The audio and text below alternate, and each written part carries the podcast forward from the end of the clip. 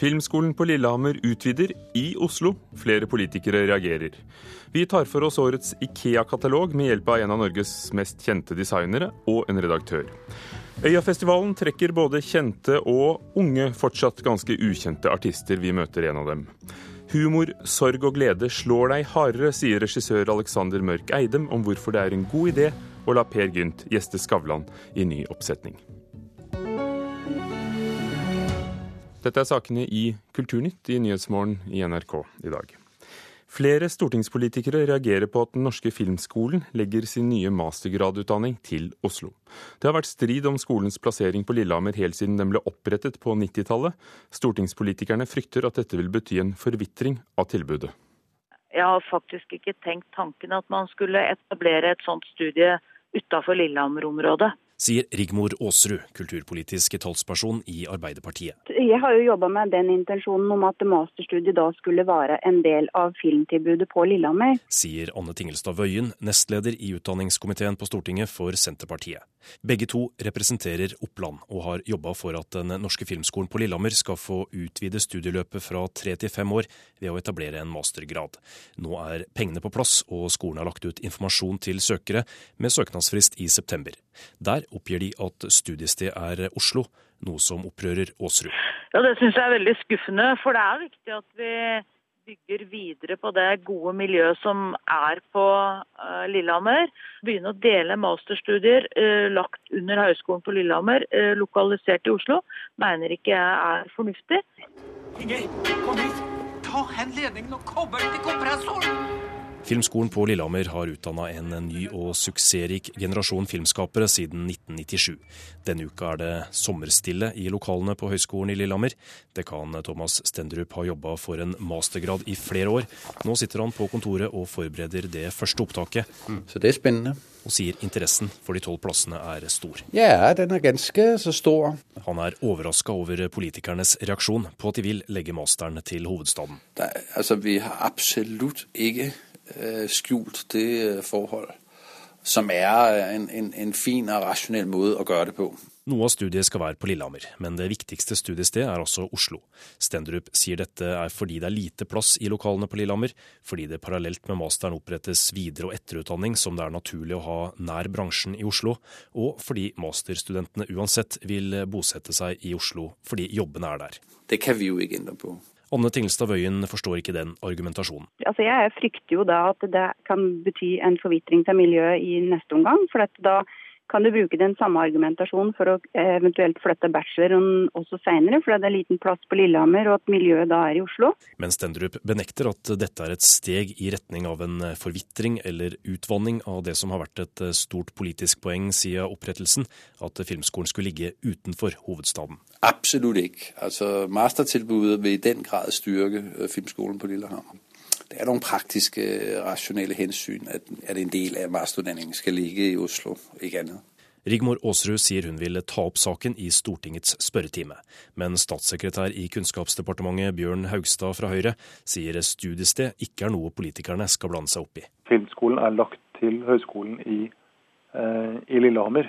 Eh, og hvis de for å få et best mulig Eh, tilbud velger å ha noe i Lillehammer og noe i Oslo, så tenker jeg det styrker Høgskolen i Lillehammer og det studiet. Men det er, eh, det er det Høgskolen i Lillehammer selv som må vurdere og ta ansvar for.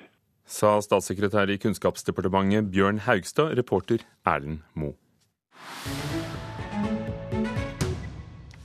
Flertallet av de overlevende fra Utøya i 2011 har vurdert møtet med media i etterkant av 22.07 som en positiv erfaring. Det kommer frem i en ny studie gjennomført av Nasjonalt kunnskapssenter om vold og traumatisk stress. Vi har intervjuet uh, de som ønsket å være med på studien vår fra Utøya, de som overlevde Utøya, om deres erfaringer med media, og om, også om deres psykiske helseproblemer, psykiske helse. Og så har vi sett på om det er hva slags erfaringer de har hatt med media, og, og, hvilken sammenheng det måtte ha med hvordan de har det i dag. Det forteller seniorforsker ved Nasjonalt kunnskapssenter om vold og traumatisk stress, Siri Thoresen. Studien om medieerfaringene til overlevende fra Utøya viser at to tredjedeler av de som lot seg intervjue av media i etterkant av hendelsen, opplevde dette som overveiende positivt. Godt nytt, mener Thoresen. Det syns jeg er veldig bra i en så hektisk situasjon som oppstår etter en, en, en katastrofe mens rundt én av ti opplevde møtet med media som en belastning, og at de angret på at de lot seg intervjue i ettertid. Thoresen hadde forventet at dette tallet ville vært høyere. Eh, og det vi ser er at det å delta i intervjuer i seg selv hadde ikke noe eh, sammenheng med psykiske helseproblemer i vår studie. Men det å angre på at du har deltatt, eller syns at det var belastende, det var knyttet til mer psykiske helseproblemer. Studien viser også at nesten alle overlevende ble kontaktet av media i etterkant av 22.07. Det gjaldt også den yngste aldersgruppen, mellom 13 og 16 år. Rundt to tredjedeler av de overlevende deltok i studien. Sa reporter Christian Ingebretsen. Trond Idås, rådgiver i Norsk Journalistlag, du har også vært med på å gjennomføre studier blant journalistene som dekket 22.07, og som møtte ungdommen som er intervjuet i denne undersøkelsen. Hva synes du om resultatene fra denne studien? Eh, jeg er jo enig med Thoresen i at det er gledelig at såpass få eh, opplevde mediedeltakelse som negativt, eh, og at de aller fleste hadde en positiv erfaring med mediene. Dette er selvfølgelig ekstremt vanskelige saker å dekke som journalist. Kanskje den mest krevende type saker journalister sendes ut på. Eh, og når jeg har spurt journalistene, så er jo det de frykter mest, det er jo nettopp å forverre situasjonen til de som allerede er et offer. Eh, og undersøkelsen viser jo at det da i liten grad eh, har skjedd, eller at det i liten grad har opplevd sånn da av de overlevende. For du hadde fryktet at, at resultatene skulle vært mer nedslående? Eh, ja, for så vidt. Altså, de historiene vi hører, er jo ofte de dårlige historiene, for å si det sånn. Men dette er jo den første store studien av dette eh, i Norge, og det fins bare en annen internasjonal studie på det. Så, eh, så, vi visste det rett og slett ikke. Eh, men det jeg har sett når jeg har spurt journalistene, er jo at de sier at de har vært spesielt varsomme under dekningen av, av Utøya. Så, sånn sett så, så, så, henger det på en måte sammen. Hvor går den grensen mellom å nærme seg for å, å kanskje fortelle viktige historier, og det å være varsom og vise hensyn? Nei, Det er jo den veldig vanskelige balansegangen. da, fordi Her har mediene et samfunnsoppdrag eh, som går på, ut på å informere befolkningen om hva som har skjedd, og hvordan ting henger sammen, og hva kan vi lære av dette.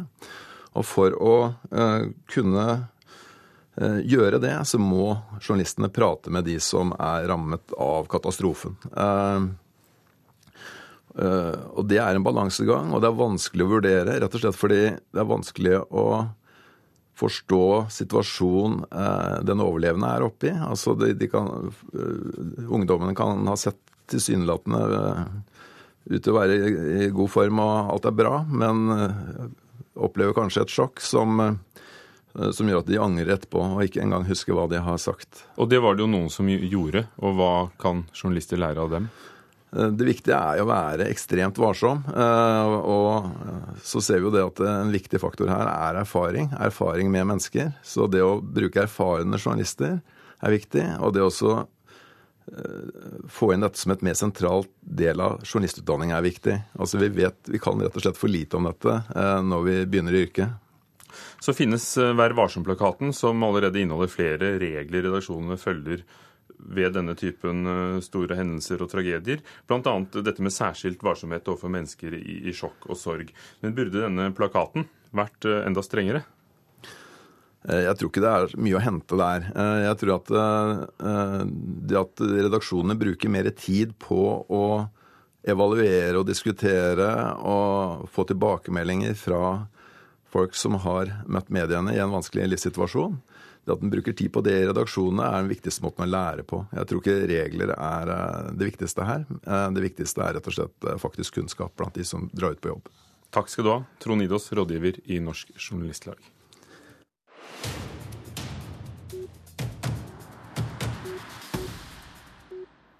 I Nationaltheatrets nye oppsetning av Per Gynt så foregår det hele i vår tid og i et kjent TV-studio hos Fredrik Skavlan. Vår neste gjest er essensen av Norge. Per Gynt. Per! Eh, du har jo aldri studert, eh, Per. Man skal ei lese for å sluke, men for å se hva man kan bruke. Vi er sangen du skulle ha sunget oss. Men innunder kappen hva ingen visste, hadde han forstått. En gris og liste. Eindride Eidsvoll som Per Gynt, gjest hos Fredrik Skavlan, og der sitter sannelig sosialmedisiner Per Fugelli med tversoveren, Erna Solberg i kongeblå kjole og Siv Jensen med leppestiftkjolen og Therese Johaug i, i sportsutstyret sitt. Alexander Mørk Eidem, regissør, hva er det du ville?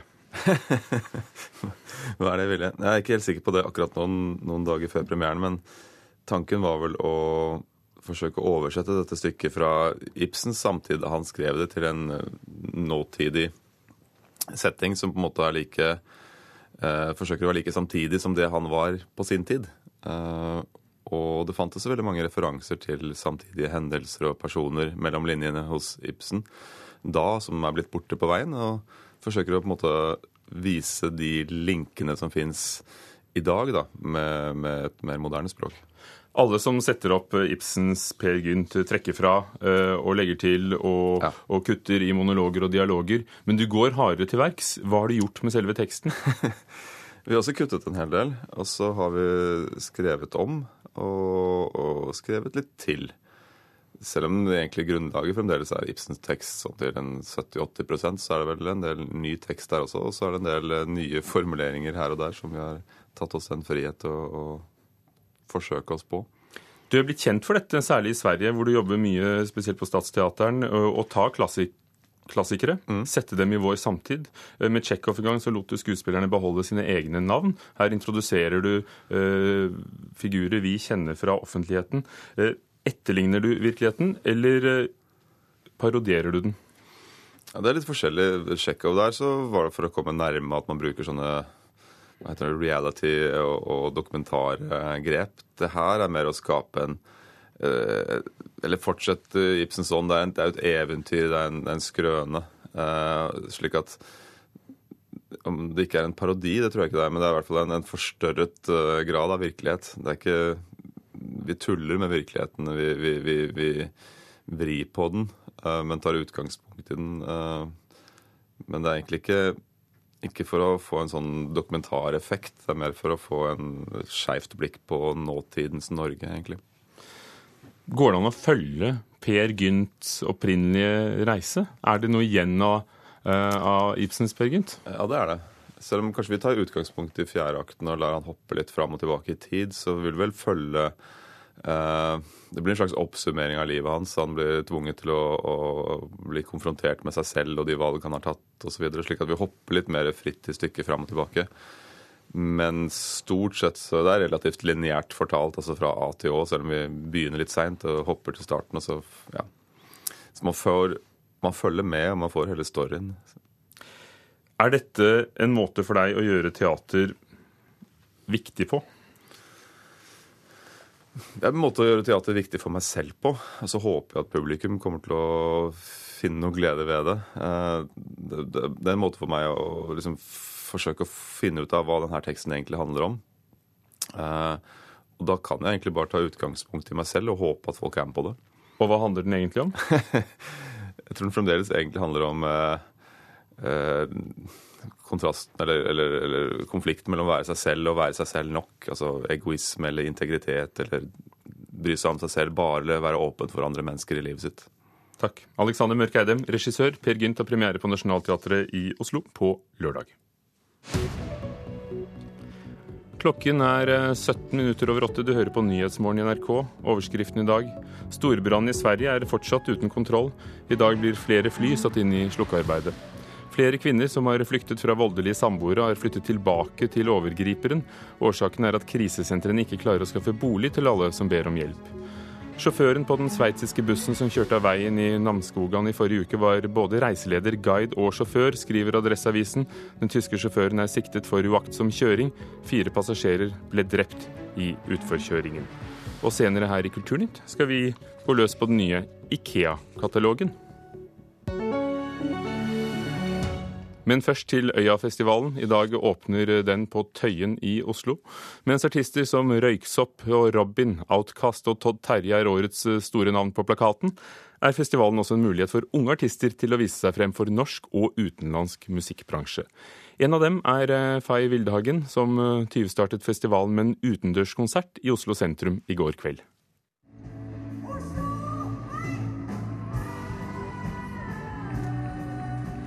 Var veldig, veldig gøy. Det, publikum var jo helt fantastiske. Så det var veldig rørende, egentlig. Jeg ble veldig rørt. Fay Vildhagen høster applaus fra publikum på Youngstorget i Oslo under Øyafestivalens klubbdag, dagen før festivalen starter for alvor i Tøyenparken. I dag skal 21-åringen fra Bærum spille på Øyafestivalen for første gang. Jeg tror det blir gøy, og jeg tror det blir litt sånn magisk for oss i hvert fall. Fordi det er jo veldig stort for oss å stå på en festival som vi har vært på så mye, og som hele tiden har vært liksom festivalen. Det er bare helt sinnssykt stas, egentlig. Gøy. Jeg gleder meg. Fay Vildhagen debuterte med låten We Are tidligere i sommer, og har allerede havnet på radaren hos det britiske musikkmagasinet Drowned in Sound, som mener 21-åringens konsert er en av de viktigste å få med seg på Øyafestivalen. Men Vildhagen er avslappet til eventuelle bransjetopper blant publikum under dagens konsert. Er ikke, jeg er ikke så god på å på en måte spotte meg ut mennesker og bare se på de og bli redd. Det er jo bare mennesker da, som eh, er der for samme grunn som deg. De elsker musikk. Det er jo på en måte kollegaer da, som man bare ikke har truffet. Ja, men det er jo selvfølgelig litt skummelt når man vet at uh... Men det er vanskelig å forholde seg til, egentlig. Det er vanskelig å forstå. I dag kommer om lag 60 utenlandske musikkjournalister og bransjefolk til Øyafestivalen for å undersøke hva som rører seg i den norske musikkscenen. Ifølge musikknettstedet The Line of Best Fit er dette noe av det de har kommet for å høre.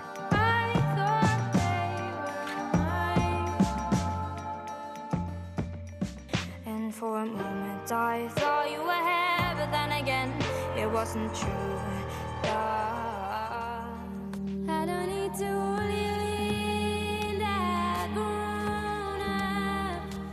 Magasinet har intervjuet en rekke britiske musikktopper, som bl.a. nevner artister som Farao, Emilie Nicolas, Aurora Aksnes og Fay Vildhagen som noe av det mest interessante norsk musikk har å by på om dagen. Vildhagen selv blir litt brydd av all rosen hun får. Eh, Ja, jeg blir jo Jeg blir jo veldig forlegen, da. Jeg blir flau.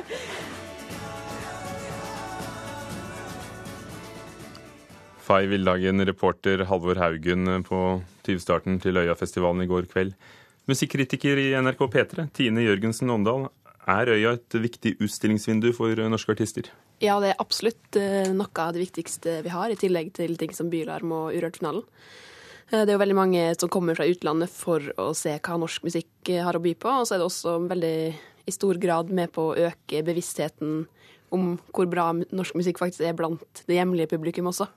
Det kommer jo rundt 60 journalister fra utlandet. Hva, hva skjer med oppmerksomheten? Hva blir det til av artikler og, og presse? Det er alltid spennende å sitte og se hva som har blitt skrevet et, i etterkant av øya, og det er jo alltid noen ting som blir dratt frem, og som, som kan være med på å berede grunnen for at eh, norske forholdsvis små band i startfasen kan få et internasjonalt publikum, og det er jo veldig kjekt å se at skjer.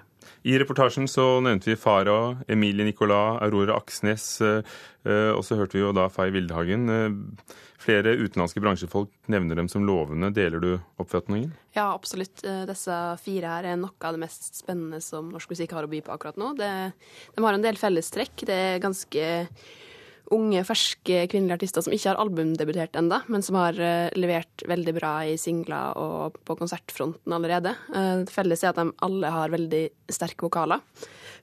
Unnskyld. Eh, De er veldig flinke til å trollbinde live, og de har en vanvittig låtskrivertekst, som også greier å sånn dra inn eksperimentelle elementer samtidig som det fenger.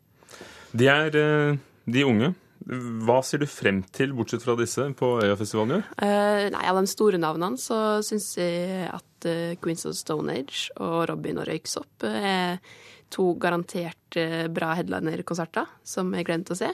Og så er det også stor spenning knytta til Todd Terje, eh, elektronikaartist fra, fra Mjøndalen, som har vært eh, veldig internasjonalt eh, anerkjent, men holdt seg i undergrunnen i rundt en tiårs tid, men som nå albumdebuterte tidligere i år.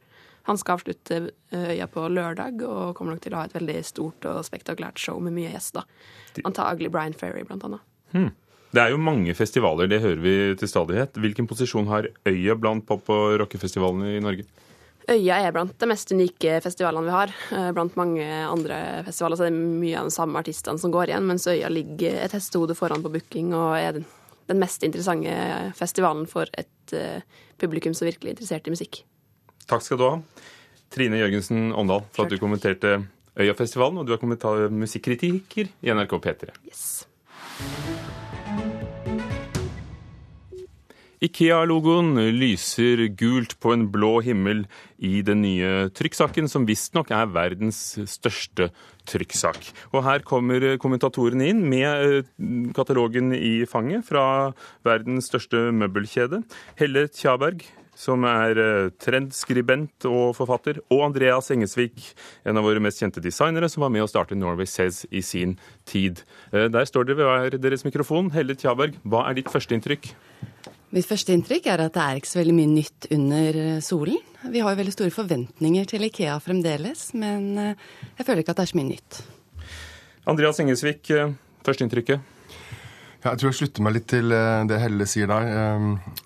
Det er stort sett det samme, men man ser selvfølgelig at fokusområdene til IKEA er liksom baderom og soverom i år.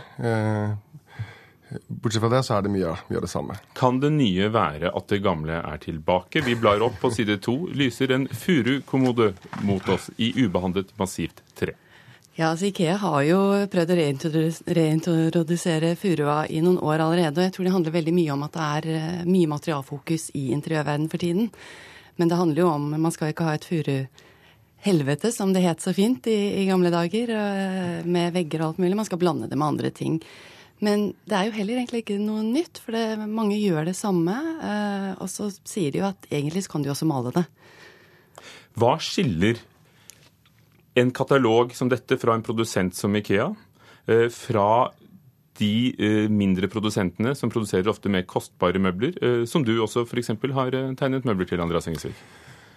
Jo, det som skiller Det som representerer den største forskjellen her, er jo først og fremst kvaliteten. Altså byggkvaliteten og holdbarheten på produktene. Og det er vel også kanskje det som jeg er mest spent på når det gjelder Ikea, la oss si et 50-årsperspektiv. Hvor, hvor, kommer Ikea til å være da, og, og, hva slags varer og produkter kommer de til å selge? Fordi eh, vi ser jo nå helt, eller i mitt felt ser man helt klare, helt klare endringer som går mot eh, det at folk vil gjerne ha kvalitet og ting som varer, og at det følger med en betalingsvilje. Så du kan si det, er, det er, eh, kvaliteten på selve produktet som er den, utgjør den største forskjellen. Varigheten. Likevel så åpnes det Ikea varehus over hele verden hele tiden. Uh, og jeg tror ikke jeg tar munnen for full når jeg sier at dette er verdens største møbelkjede. Så det er tydeligvis et marked også for de rimeligere varene? Selvfølgelig. Det, det, det, er helt klart et marked for de rimelige varene. Og det er mye av det som IKEA selger som, som holder en OK og fin kvalitet også. Så det må man huske på. Ja, det er jo stor forskjell på Norge og andre land når vi ser på økonomi nå. Så det er klart at her i Norge så har vi jo selvfølgelig Da kan vi jo ta oss råd til, til dyrere ting. Men det er jo mange land hvor, hvor det fremdeles er viktig at, at, det er tilgjengelig rimeligere ting òg. Du, du, har jo også tidligere vært eh, redaktør for interiørbladet L Decoration. og eh, Etter å ha fulgt dette i mange år, vil du si at Ikea følger eller skaper trender? Jeg vil si at de følger trender nå. De er ikke så innovative. Og jeg begynner liksom å lure på om de egentlig alltid bare har vært veldig flinke til å lure oss, eller om de har vært Eller lure oss er kanskje ikke riktig i ordet, men, men de har jo vært mye alene. Men de siste ti årene, så med sosiale medier, med internett og, og, mange nye spennende produsenter og mer fokus på kvalitet, så gjør det at de, de leder ikke lenger. Men, men er, vi har forventninger til Ikea, og det sier jo litt at vi står her på Kulturnytt i dag og snakker om Ikea.